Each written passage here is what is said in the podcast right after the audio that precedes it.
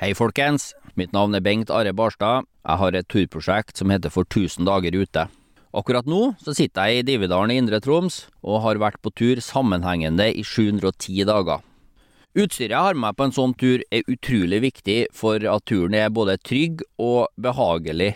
Og akkurat nå så har teltet mitt fra Barents Outdoor stått fjellstøtt gjennom en av de verste vinterstormene jeg faktisk har vært gjennom på turen så langt. I tillegg så har Barents Outdoor ei fantastisk sørlandsavdeling som hjelper meg med reparasjoner av resten av utstyret mitt òg, og det kommer utrolig godt med, for jeg har ikke tenkt å stoppe etter 1000 dager. Så alle dere som er mye på tur, trenger service og bra utstyr, gå inn på barentsoutdoor.no. Det er utrolig eh, bra utstyr de lager i dag, altså.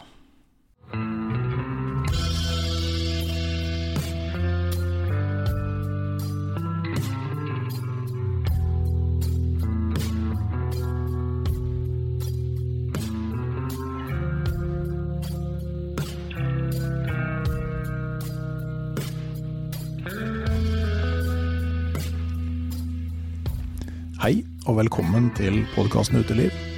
Mitt navn er Randulf Valle. To those of you that don't understand Norwegian, please be patient for a minute while I explain my regular listeners why today's episode is in English. Gjennom de drøyt 100 episodene jeg har lagd siden jeg starta podkasten Uteliv, så har jeg egentlig aldri vurdert gjester som ikke snakker norsk. Men da tilbudet om å prate med klatrelegenden Konrad Anker dukka opp, så tenkte jeg at det var dumt å bare avfeie det. Jeg endte med å ta turen til Oslo for å møte den, og personlig syns jeg det ble en svært interessant prat. Hovedmengden av gjestene i podkasten Uteliv vil alltid være norskspråklig, men jeg ser ikke bort fra at det kan bli aktuelt med en og annen engelskspråklig episode også i framtida. Det er det til sjuende og sist dere lyttere som bestemmer, jeg tar gjerne imot tilbakemeldinger på hvordan dere syns det her fungerer, men gi det en ærlig sjanse. Well, so then I switch to English, because today's guest is Conrad Anker, and it's an honor to have you here in Podcast Uteliv today.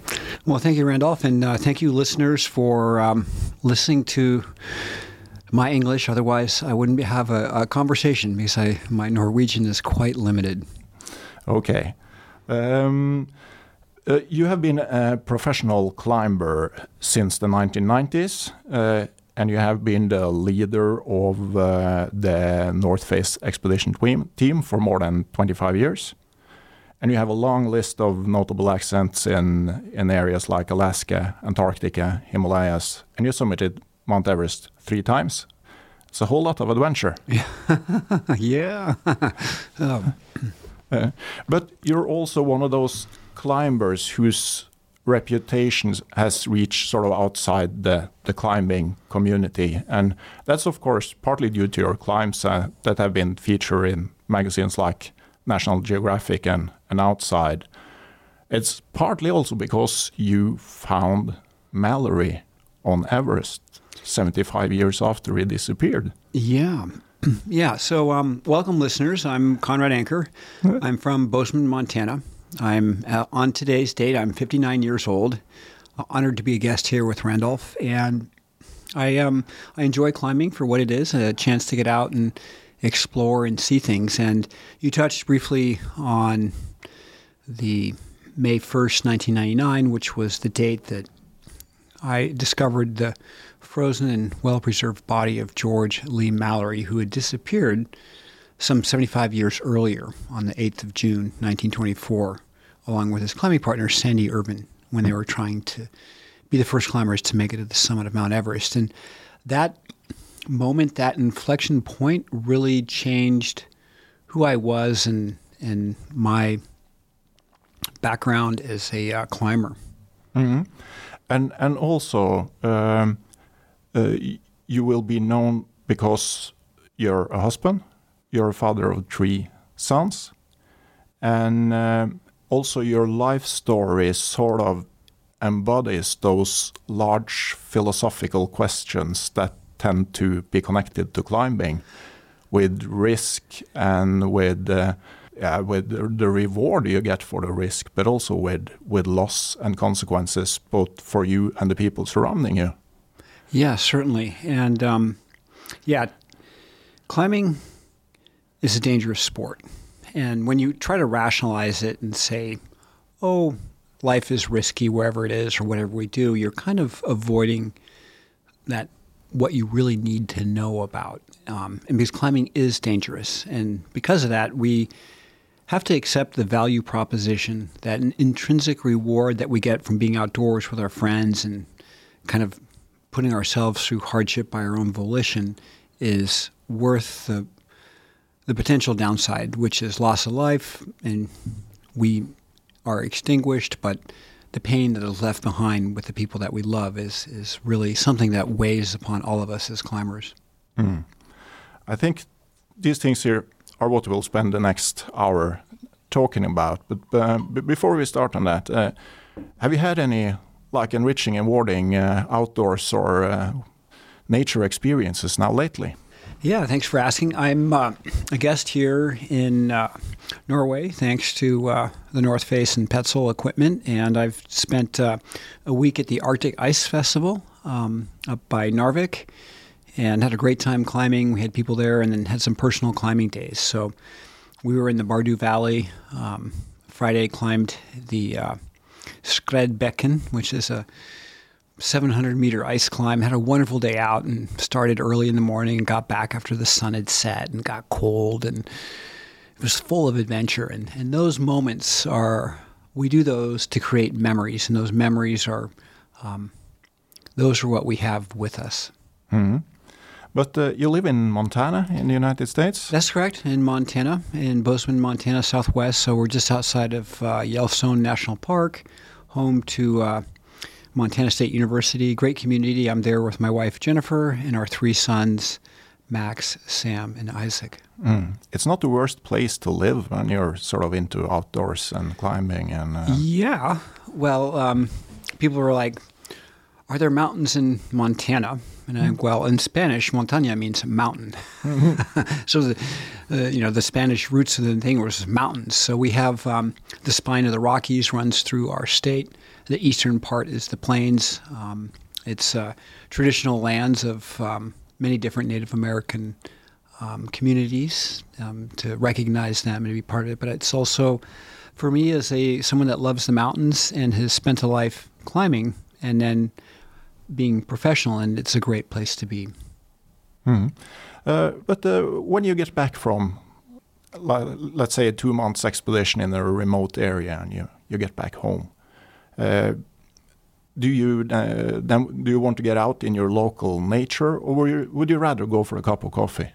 The first thing when I get home is I see the family. They come to the airport and they meet me, which is always wonderful. Every expedition is a circle from when you leave your garden gate to when you make it to the summit, down safely, and then when you walk in the garden gate again. And so we have the front door of the house, but we always have the garden gate that that's where you live in. And that's so when I pass through that threshold of the garden gate is a, a successful thing. But the first thing is cooking a meal with the family, spending time um, after being in a travel, taking a sauna, mm-hmm. cleaning out, and then, um, but yeah, and it, if I can spend three days, um, a portion of those three days each week outdoors, um, it's good for my mental well being and good for a sense of adventure. And we live on this planet, after all, for what brings us joy, and we work to create that joy. And being fortunate that we have the the wherewithal, um, you and I, white males of European descent, the system is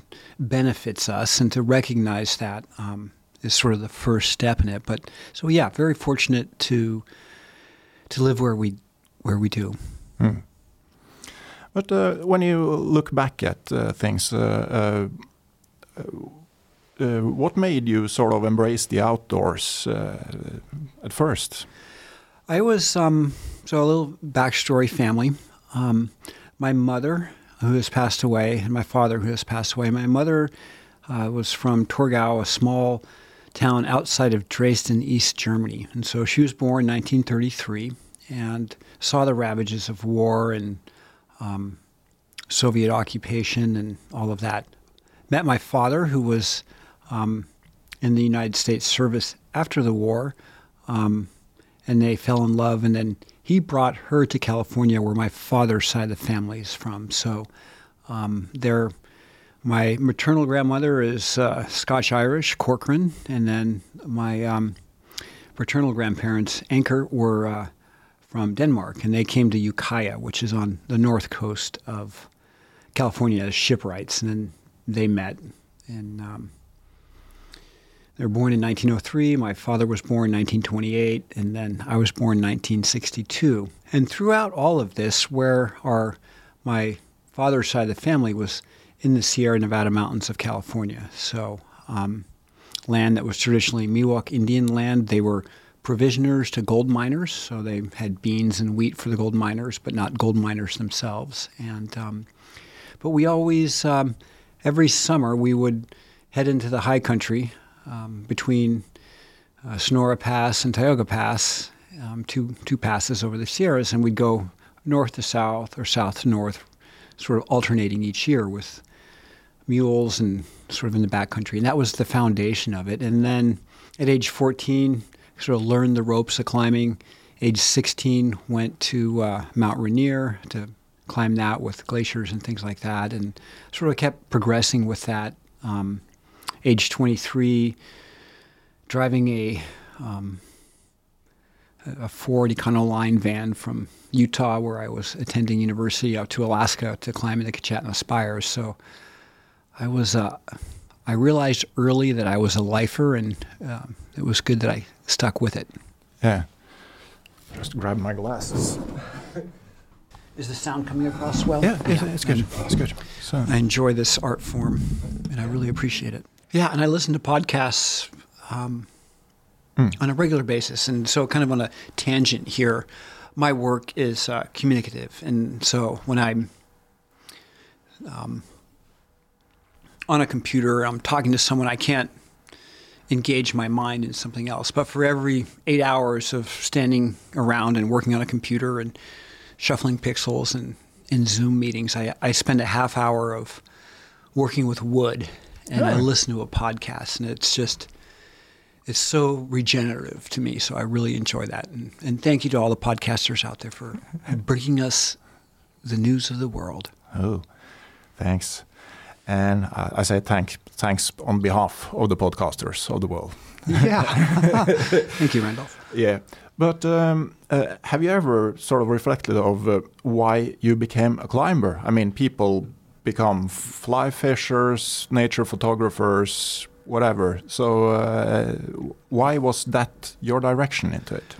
I was introduced to it at a young age um, by my father, mother, and uh, a lot of my father's friends. And we'd get out in the backcountry and we'd go do things. And there was, um, there was this like, when I climbed a five six, which isn't too difficult. I mean, the handholds are generous and the footholds are obvious.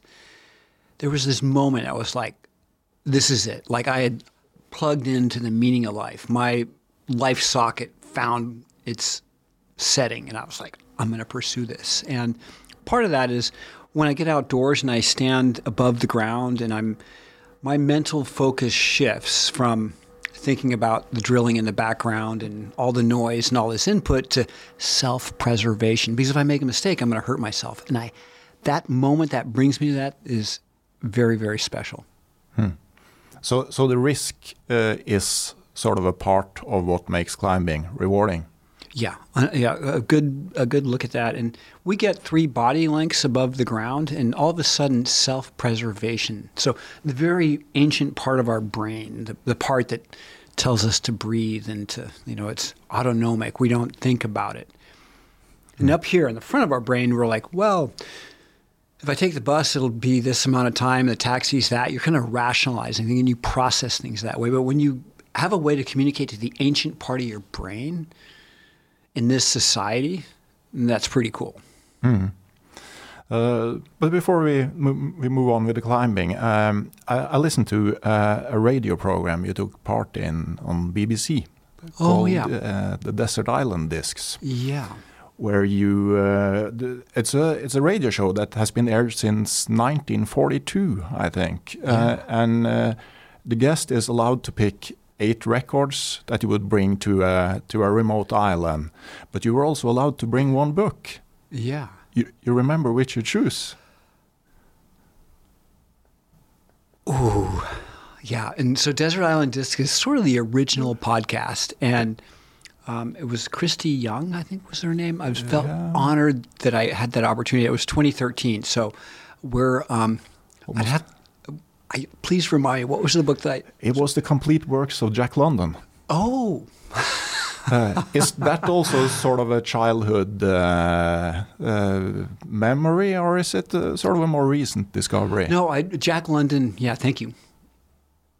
Yeah, Jack London was a writer at the turn of the century, and he was a fictional writer. So, of course, the sort of the the the high society didn't look into it too favorably. But those stories of like to build a fire or um, daylight burning or all these other never cry wolf um, these epic stories as a, as a young boy that was like that's what i read and i they just were there and i mean there's um, certainly revisionist historians that we look at jack london through the prism of today's society and, and he wasn't perfect and the same thing with john muir and we have to we have to understand that but the the cultural implications aside, those adventures and everything really brought a sense of uh, of something to go do with it, and I just uh, it was yeah, I'd, I'd still a good Jack London read is But do you think that uh, sort of uh, those um, uh, that what drove people to go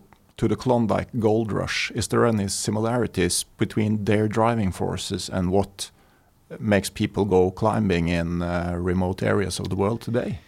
Yeah, um, seeking gold is. I mean, there's financial reward to it, and there's there's something that you get from it. But having grown up in the 49er country, which is gold rush country, and our family settled there 1853, and there's still people that love to go panning for gold. And I remember working construction, and it would rain, and my my the boss would be like, "Well." Ed's not going to show up for work today because he's panning for gold, and because and they love to go do that. So, um, if the drive for the the Klondike Gold Rush was an intrinsic, or if it was material, I don't know. But that same fascination with something and that trying to answer the unknown is common to all pursuits. Yeah. But uh, uh, during the 1990s, uh, climbing turned into a profession for you. Can you tell a little bit about that that process? Because that that was there wasn't many professional climbers in the 70s and the 80s. Yeah, um, and particularly in the United States and Europe has more of a, a history of um, of climbing, and so an adventure. And so we think of Amundsen in the South Pole. He was a professional at what he did. He planned for it. He sought sponsors, and he had to bring something back in return. And um, I started working for the North Face in 1983. 1987, I would get a mountain jacket and a sleeping bag and went to Alaska and then 88 went to the Himalayas and you do these journeys and you bring something back within it. And so in this uh, 39 year relationship with the brand, it's been great to to encourage people to get outdoors and, and try something. So in that sense, bringing something to it. But it's um it's quite different than professional sports where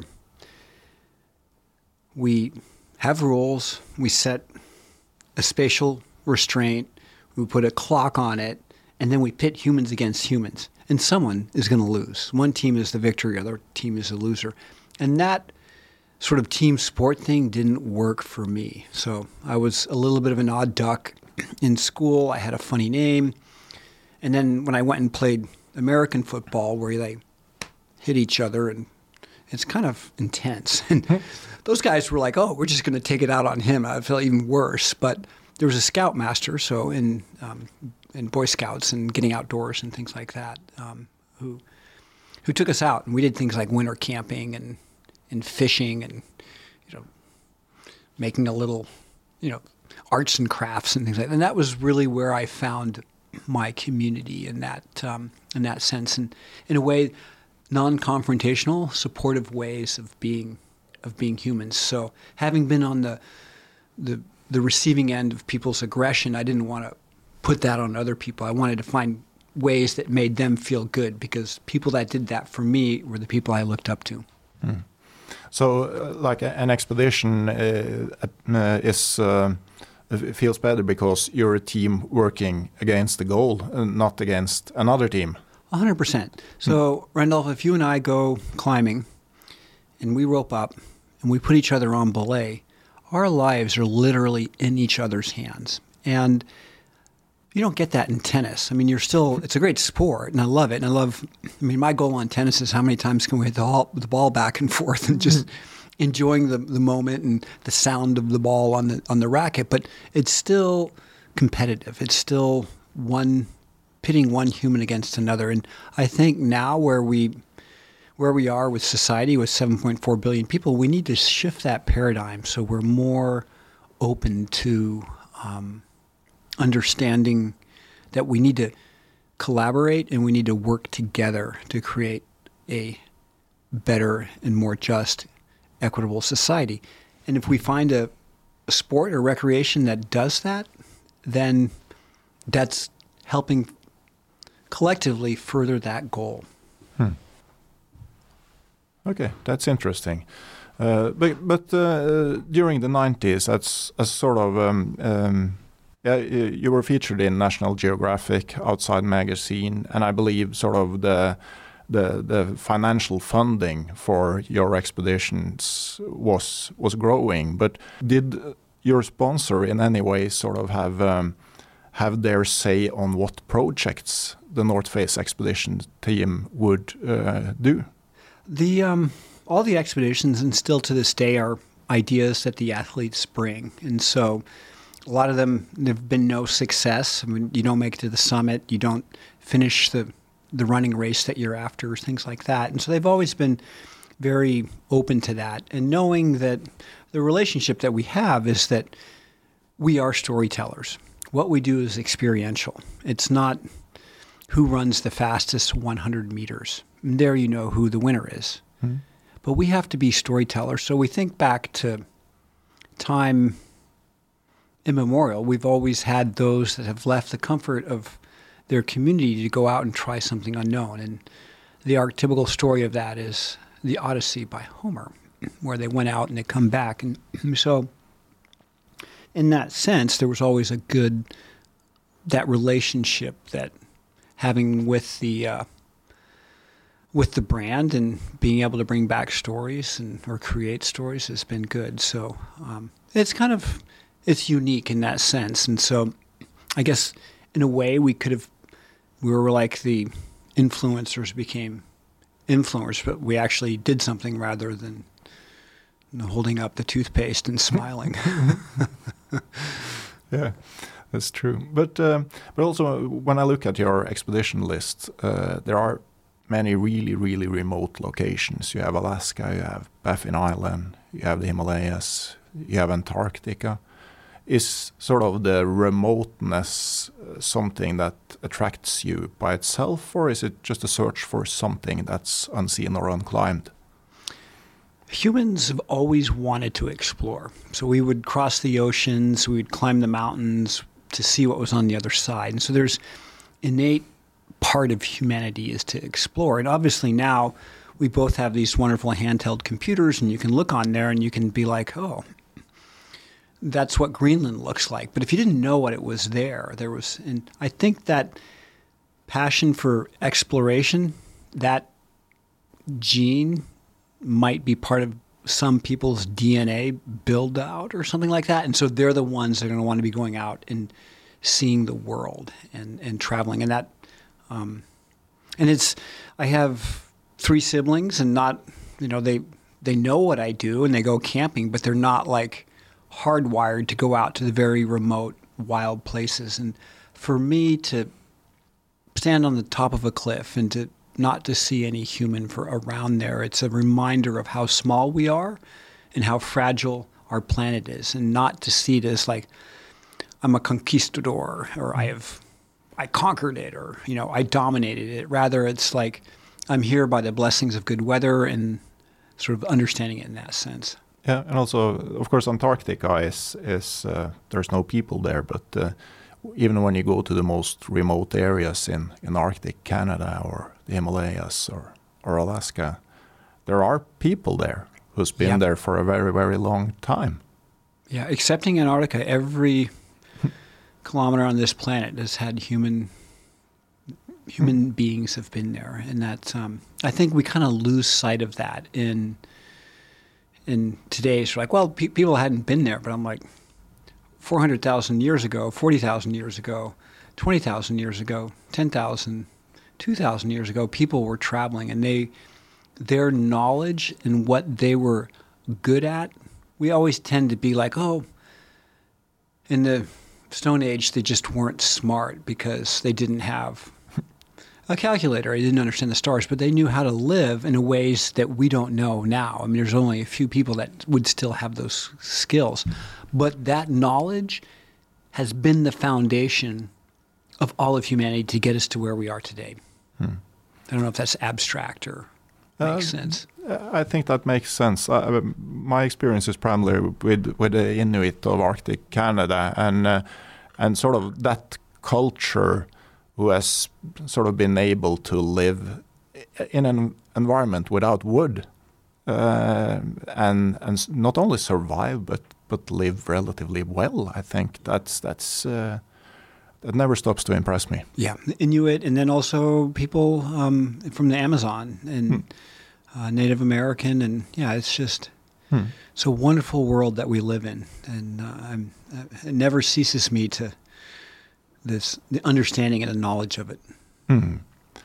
But then, um, as we uh, touched into in the beginning here, um, 1999 was a year that really changed your life. Yeah, First, in the spring, it was the Everest expedition for uh, where you found the remains of, of Mallory. How did you get into that expedition? So, um, 1999, the Mallory and Irvine Research Expedition. I was invited along by Dave Hahn and Eric Simonson, as um, my goal was to be the uh, the backup for if the body wasn't located to have a go at the second step to see what that what the climbing would entail on that. And it was just by chance that on the first of May, I came upon the frozen uh, corpse of George Mallory, a very humbling moment for me. And then the news went around the world. Um, some people thought it was interesting, other people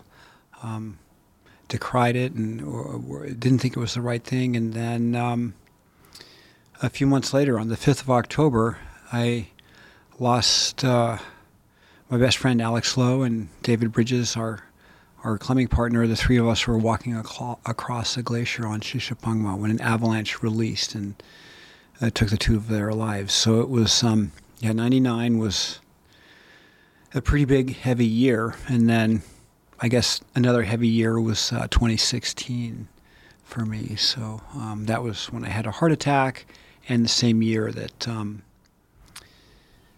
we, uh, the, the bodies of uh, Alex and David were released from the glacier, so we traveled to Tibet to attend to them. Yeah.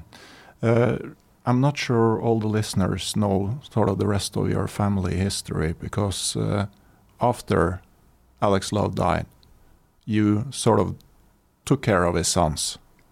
Yeah, so um, Jenny and I were close. Um, we and you know I was there. I was, um, and we grew to love each other. And so the first um, we're being together, and the sixth of April, two thousand one, we were married, and um, I stepped in for Alex and raised the boys, and was there as part of the family, and was um, the most meaningful thing in my life.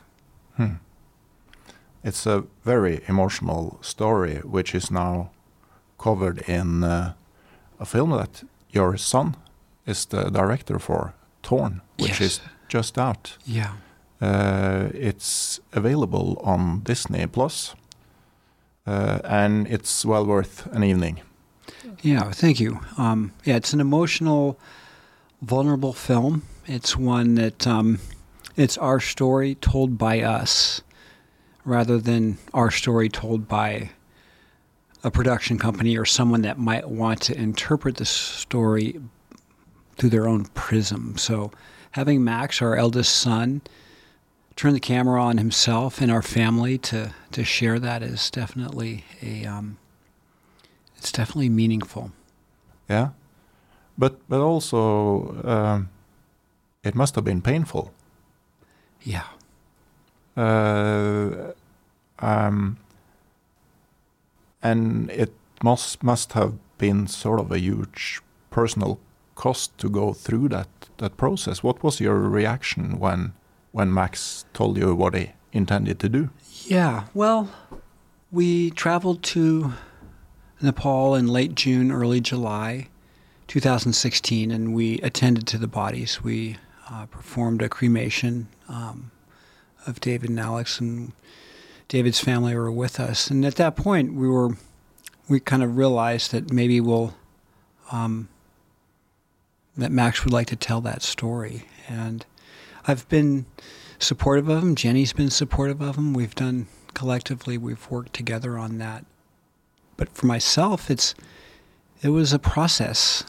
You and I are probably similar in age, and we kind of keep things close. We don't necessarily need to share everything with everyone, and there's the too much information overload that we get, particularly with social media and the barrage of information that we're constantly assaulted with. And here, to strip away all of that, to talk honestly about loss, love, reconciliation, acceptance, our own mortality, and to do it as a family was it was a lot of work, but in a way it was something that we and myself in particular had to give back to the community because we see the narrative of people climbing on mountains and they've made it to the top and it's this great success story and everything is wonderful. But the downside of this is that people die. Mm-hmm. And for you and I, if we die tomorrow, it's like the light bulb pops and we return to dust. Mm-hmm. But for the people that are left behind, they're the ones that go through the emotional grief of loss. And so by accepting that, recognizing that, and giving people space and permission to talk about it is pretty meaningful. Mm. Yes, because I I also watched another film you're featured in uh, during the last week in preparation to this. Uh, from the expedition to the Meru shark fin. Yeah. Uh, and when I've seen both those movies, I think uh, in in a way they uh, deal with the same same topic, but from two different perspectives.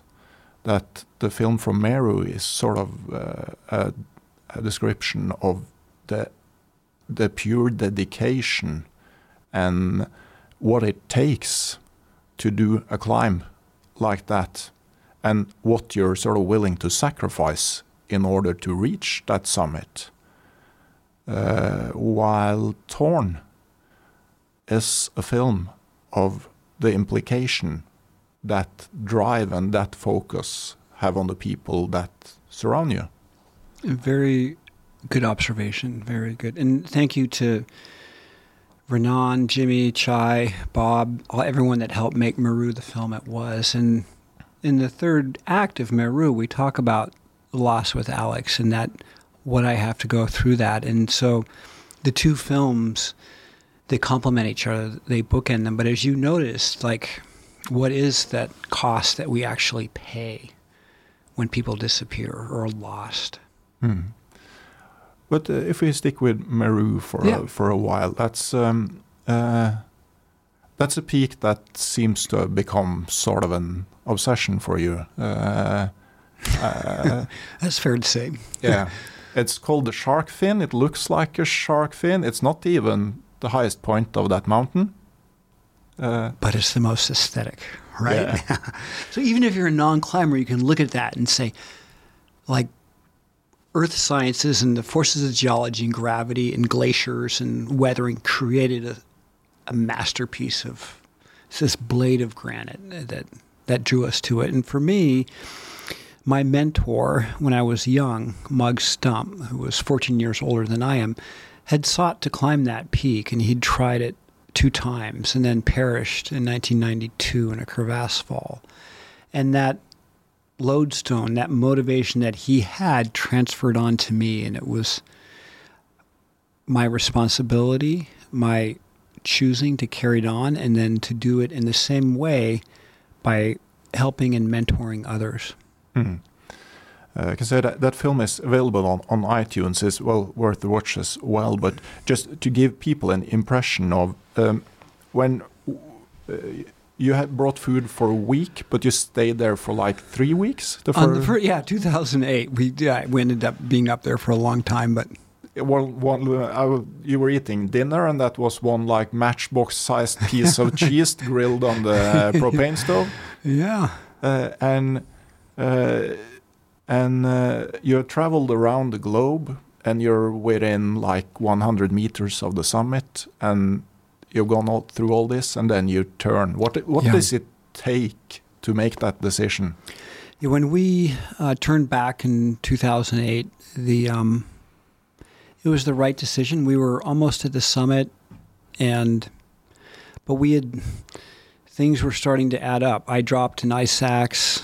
We'd lost a pair of gloves. Um, those things kind of build up. And so, as the saying goes, you keep adding a straw to the camel's back, and the camel can't carry it anymore, and then the camel collapses. And what was the straw that broke the camel's back? And my how I look at a climb one is to do it safely, two is to come back as friends, and three is to make the summit. And so when that's your decision making prism, it's very obvious what it is. And that was, um, but they're, they're, uh, but, but, but nevertheless, uh, when Jimmy Chin came back, he was rolled out of the plane in a wheelchair and he couldn't walk for like six or seven weeks, if I remember correct.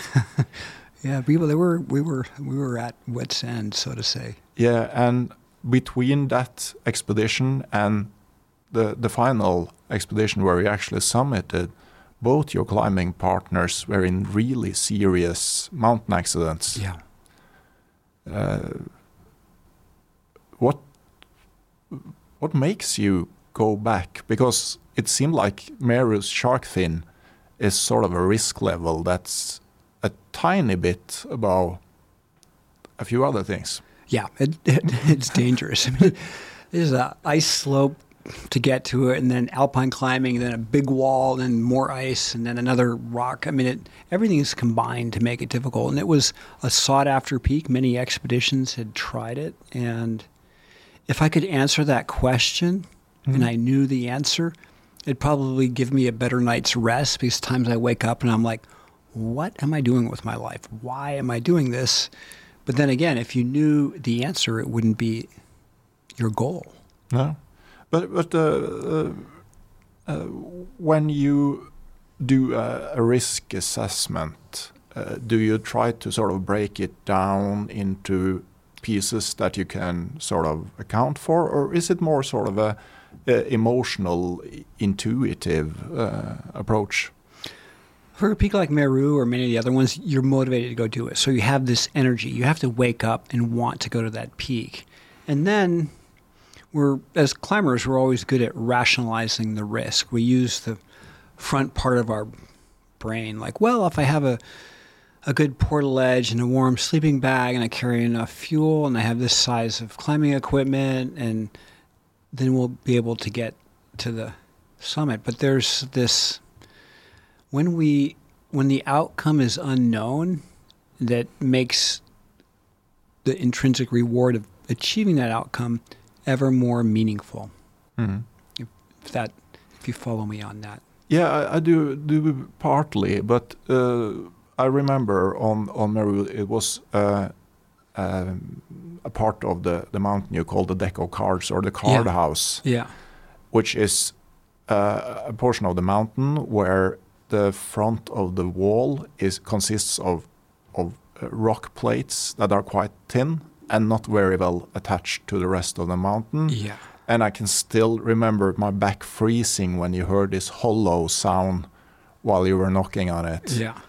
Uh, is it really possible to do a real risk evaluation before you start climbing that part, or is it? How how can you sort of calculate the risk for those rocks to come down when you start uh, climbing on them? You'll do the best you can, but there's always the unknown. And so the way to mitigate that risk is the amount of experience you have going into it. So when we got to Meru, I'd had 30 years of climbing experience. And so I'd seen loose rock, I'd understood it. And so I, you try to be, to kind of understand where it is, but then you get up there and it's just, there, you just don't know. And all mountains are a result of plate tectonics, the mm-hmm. Earth's moving around and being thrust up into the mountains and glaciology and things like that. And we all know that all mountains turn into the sea, and so they're in a constant state of transition. And when you get there, you can accelerate that that transition, or an earthquake can, or a freeze thaw cycle. But when you're in the middle of that, then it um, it's quite a challenge. Yeah. But uh, the metaphor that I see Meru was that we're much like sailors. When you, you imagine the sailors when they left from Norway to go on these expeditions, and they would sail in their boats, and they were in the ocean. And so, if you fall overboard, you're going to perish. If you don't have water, you'll die of thirst. If you don't have food, you won't be able to. And you didn't know where you're going. And but we are sailors in a sea of gravity. So instead of being the cold ocean that's our constant threat, it's the never, the, the ever present, always strong force of gravity. Hmm. Hmm. Yes, but but you said um, Meru's shark fin. You know, it's beautiful. But while you're up there, do you do you sort of have the energy to take in the scenery, or is it sort of just staying alive and and focus on the climb. When you're on the sharp end of the rope leading, you're it's the next meter or two ahead of you and you're analyzing the rock. Is it loose? What type of gear do I have? And you have one ear to the weather and you sense the, the, the wind with your with your nose and your in your face. But then when you're when you take a moment when you're at the belay or you're in the ledge at night and you just sort of look over to your partner. And I remember like with Renan and Jimmy pinching ourselves, like, wow, can you actually believe that we're here? That look at this, we're out. There's Shivling, and there's Gangotri Glacier, and, and there's Tapovan, and like no one else had ever been there on that place on our planet. And that that moment to like of realization that memory is still with me today and you can see the smile i have just sharing it with you is still is something that i've brought back with me and, and those memories and emotions are are why we go outdoors and those are the memories that we want to create. Mm-hmm. uh, i think both uh, both your uh, climbing partners on that trip are artists. Or one photographer one painter. Yeah. Your wife is also a painter. Uh, does that uh, influence the way you look at nature? Yeah, there. It yeah, it's interesting. Why do I gravitate to artists and you know because we're interpreting the world through our own idea. When I love science and engineering and everything like that, but it's a different. They, they complement each other, but uh, it's a very good question. I, and this is the first time someone had asked me that connection to artistry. And in a way, what we always talk about as climbing is that the mountain is a is a blank canvas, and the line that we choose to climb is our form of performance art and how we do it, and and then write about it, take pictures, or in best case scenarios, build a film from it. Mm. But um, uh, when you're on a on an expedition like that and you're going to make a film, that also means you have to film when you least want it. Uh, how does that uh, influence the, the being there? Can it sort of that take away uh, your focus from being at the present? As we were climbing as a team of three, and that's a safety consideration, so you're safer with three. If one person is injured, you have two person to get help bring that per- person down. I mean, you go two people, it's a higher commitment factor. So that was one of the agreements that with Jenny that if I am going to go back in the mountains, that I climb in a in a in a safe group, something like that. And then with that being, and Jimmy and Renan being wonderful filmmakers and camera people, that they would break out the camera at sunset, or they would like, oh, that was you know something's going to happen here. I need to film that. Let's see what it's like. Hmm. So all those moments really hmm. play into it. Hmm. But also uh, when when they were injured between the two expeditions, you, you you bring the camera into very private situations. Yeah. Where uh, where Renan is at hospital and you you're not even sure if he'll ever walk again. Yeah. Uh, is that something you agree on when you go into the project, or uh, that you'll sort of bring the camera into those situations? Yeah, we are storytellers, and the yeah. way you're going to tell that story in this day and age is with is documenting it on film, whether it's an iPhone or a a red or some other you know, hmm. big snazzy camera, you're going to do that. And we accept that as professional climbers that that we we need to document one so for veracity that you did make it to the top. And so your what you said you did stands up to the test of time and then also as we were talking about coming back and sharing that story and that's um, whether it's ego driven or you're doing it just for the sake of art is is an individual question. Mm. But uh, when uh, when your son Max now uh, started on uh, on on uh, Torn, um, uh, what were your thoughts on on sort of leaving a large part of your life sort of in his hands? What, what is it like when you wait for for the final result because you know what you have said? Yeah but you know don't know how it's going to come together. Yeah, and a, a tremendous amount of love and and thankfulness and adoration for Max, who made the film, and his film partner Chris Murphy. That uh, the two of them working on the film, and for me, it's I'm vulnerable. It's my brash youth as I was a, a young punk full of ego, and I got to do the hardest thing, and and then just to see myself in those moments where I can just the transition had happened and to film archive material that had never been it always a lot of it just sat in a shoebox in the basement. And then like we're making this film and we're going through these archives and videos of alex with the boys um, videos of in the immediate aftermath of calling Jennifer with the news that Alex had died and seeing the the physical pain, but then also the sorrow that was within my eyes. And yeah, it's it took quite a bit of strength and bravery for Max to tell that story, but I'm I'm very happy that he did. Hmm.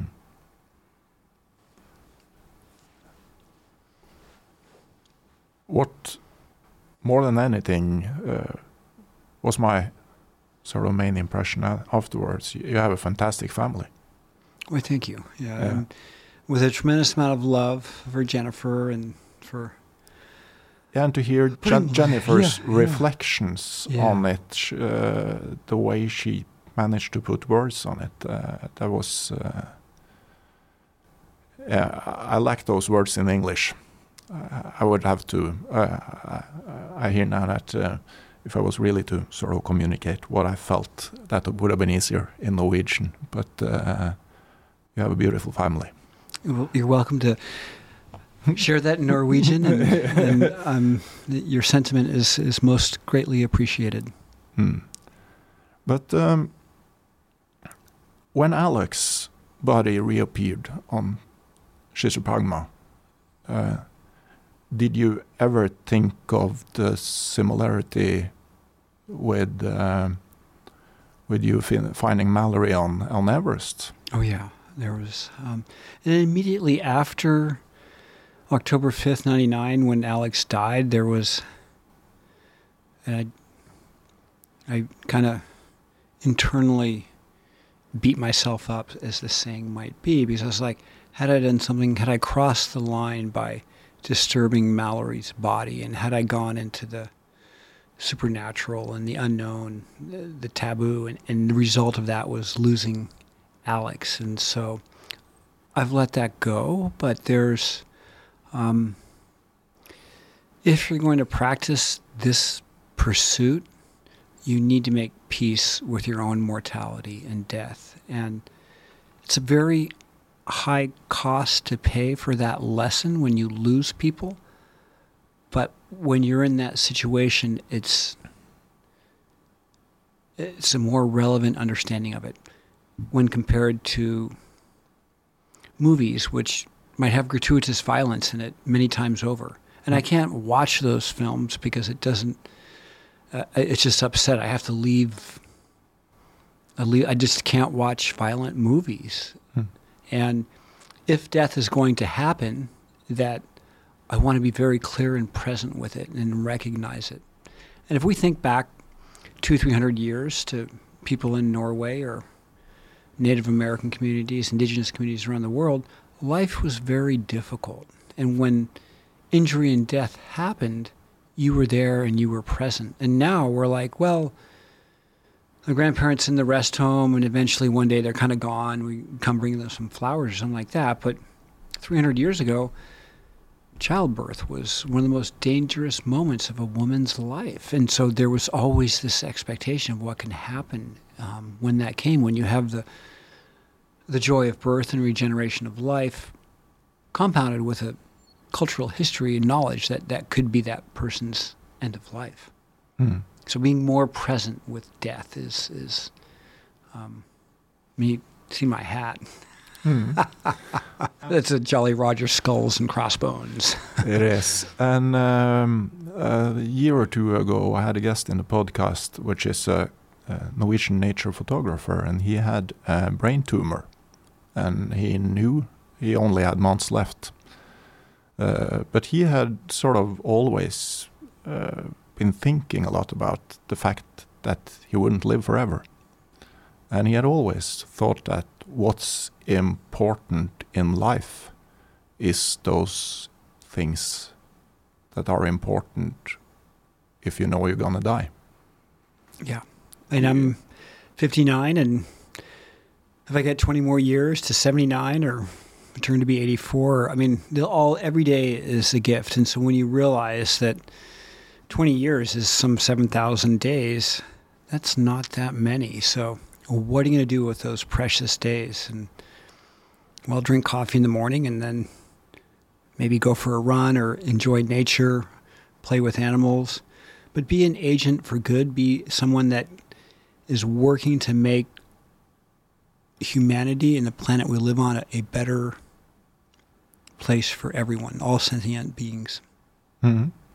That's a good uh, way of spending one's days. And uh, I think it was Rick Danko from the band who said that uh, it's not necessarily about changing the world, but about helping the neighborhood. That is a great, yeah, I gotta love the band. Uh, during the, the Everest research expedition, um, do you think that uh, Mallory and Irvine ever reached the summit? Because that's uh, I, I, think for a Norwegian to understand what Mallory and Irvine represent it would be something like if Captain Scott just disappeared on the way to the South Pole and his tent was never found because you wouldn't have known what happened and theoretically he could have been at the pole yeah. before Amundsen. And that's a bit of what happened with Mallory and Irvine they were Yeah. seen on the way to the summit and they disappeared. Yes, hundred percent. Yeah, and they were. Um, yeah, it was eighth of June, nineteen twenty-four. Noel Odell was the last one to see them, and he was a day behind them in support. And he'd commented that they were moving expeditiously, as if to make up for lost time. And then they disappeared into the clouds that are typical of the as the monsoon approaches and the warm air condenses, and then it clears off at night when it cools down. And Yeah. We know unequivocally that it was Tenzing Norgay and Ed Hillary, May 29, 1953, that made it to the summit of Everest. But could they have done it in 1924?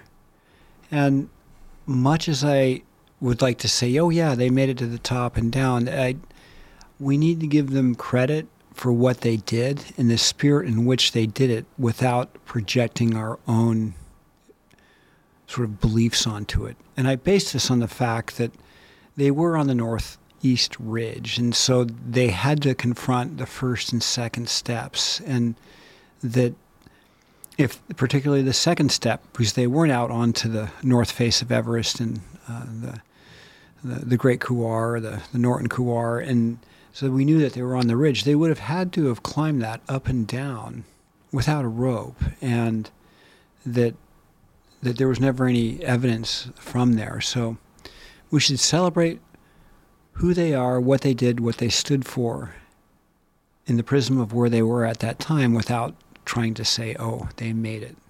Mhm. So, Mm.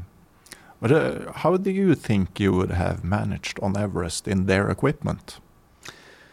we tried in 2007 in the, Okay. the, uh, the Wildest Dream with uh, Atlantic Productions, and uh, we got to 7,000 meters, and we had the same clothing. We had researched it in seven layers wool, silk, leather boots, and as long as we were moving, we were doing okay. But as soon as we stopped, we didn't have the benefit of synthetic uh, Hmm. boots and down insulation and nylon jackets and things that we take for granted. And so it was, um, but again, you know, they were tougher for it then, but you also acclimate to what you have. And so you kind of get used to it. And whether it's being cold or it's whether it's being hot, we have a, a pretty broad range of adaptability and being able to kind of keep our mind going through these temporary hardships. Hmm. And that's something uh, I believe that uh, for for climbers today as well, that to be able to sort of push through the hardships, because it seems like you have a sort of totally different understanding of the word pain. Yeah, there, and it's um, when we've looked at what what what are the the markers for a successful high altitude climber, and working with uh, Dr. Bruce Johnson of the Mayo Clinic and running all these tests, and yeah, certainly lung volume, oxygen perfusion, VO2 max, uh, muscle mass, a lot of those things kind of feed into it. But at the end of the day, it's what you can generate from your mind upstairs. And in that sense, I mean, yeah, we're kind of soft these days. We don't realize how hard it is when people are like, gosh, you, you only ate like three tablespoons of oatmeal in the morning and a half an energy bar and a little bit of olive oil and a piece of cheese rind for dinner for a week.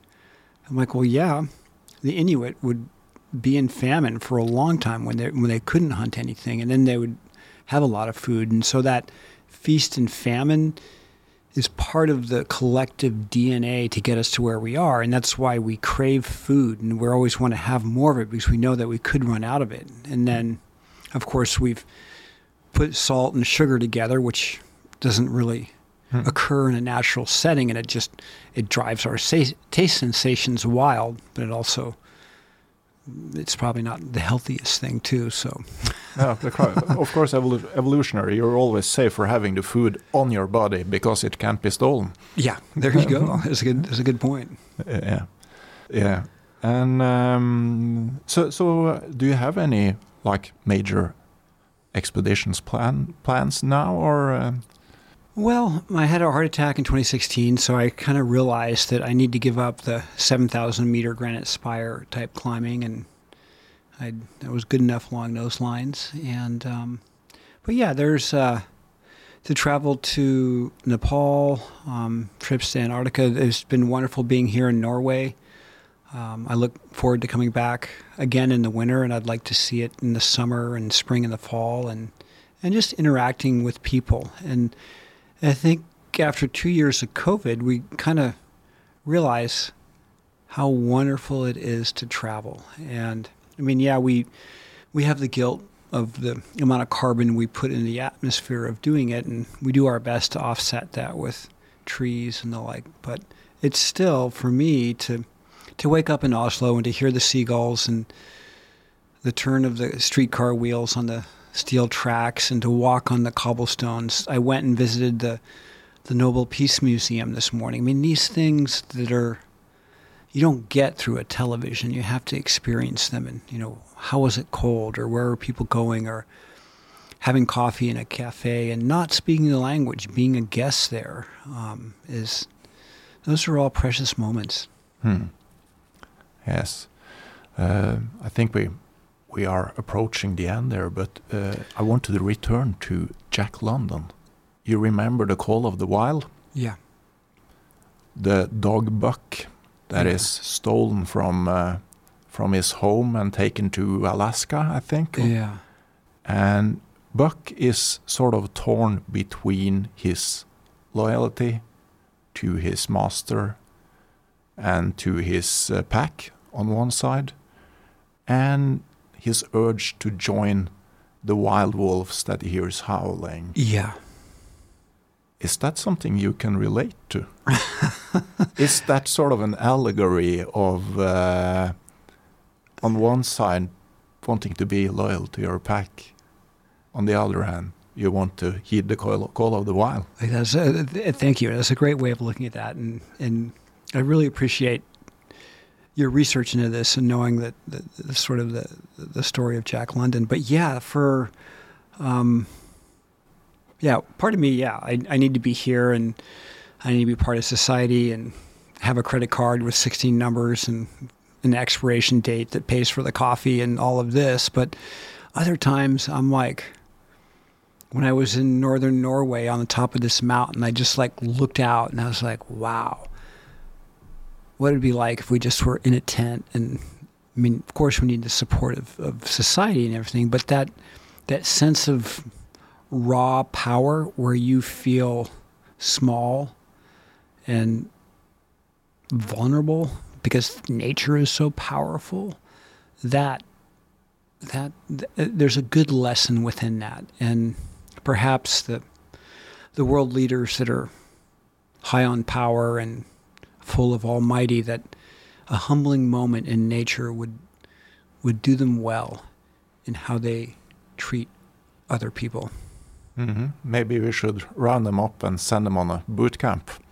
Yeah, it's, I'm happy to go suffer. So let's go out and run out of food.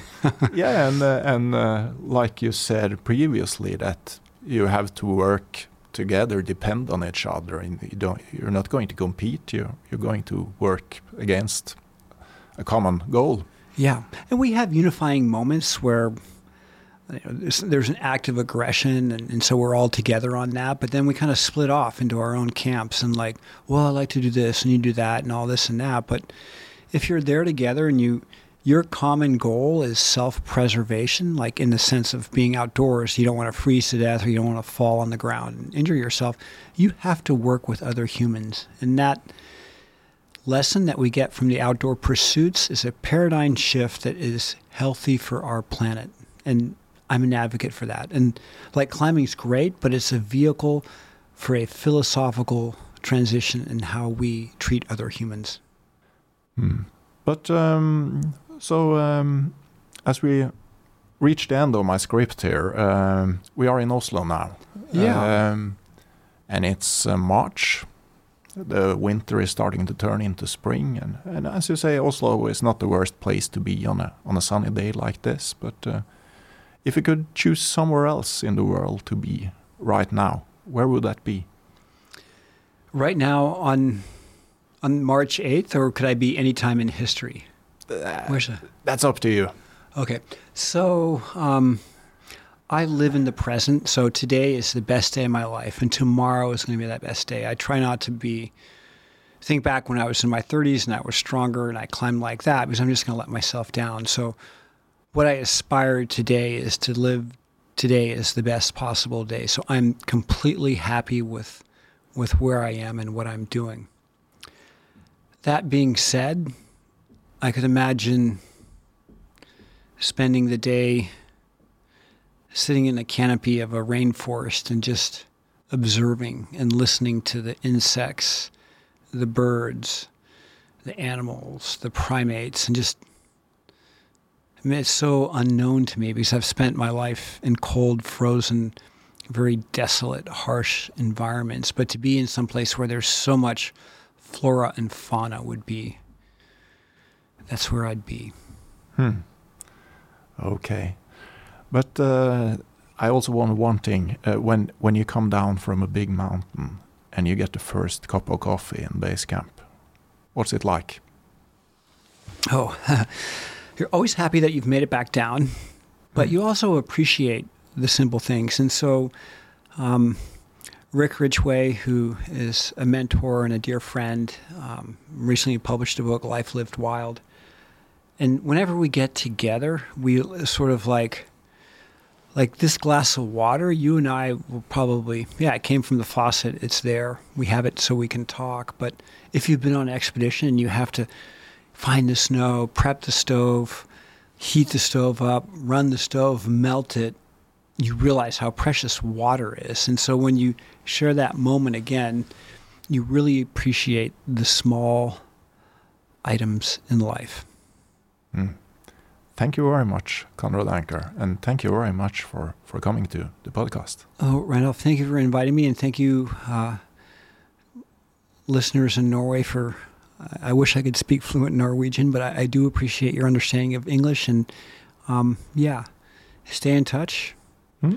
Be good, be kind, be happy. Thank you. Take care.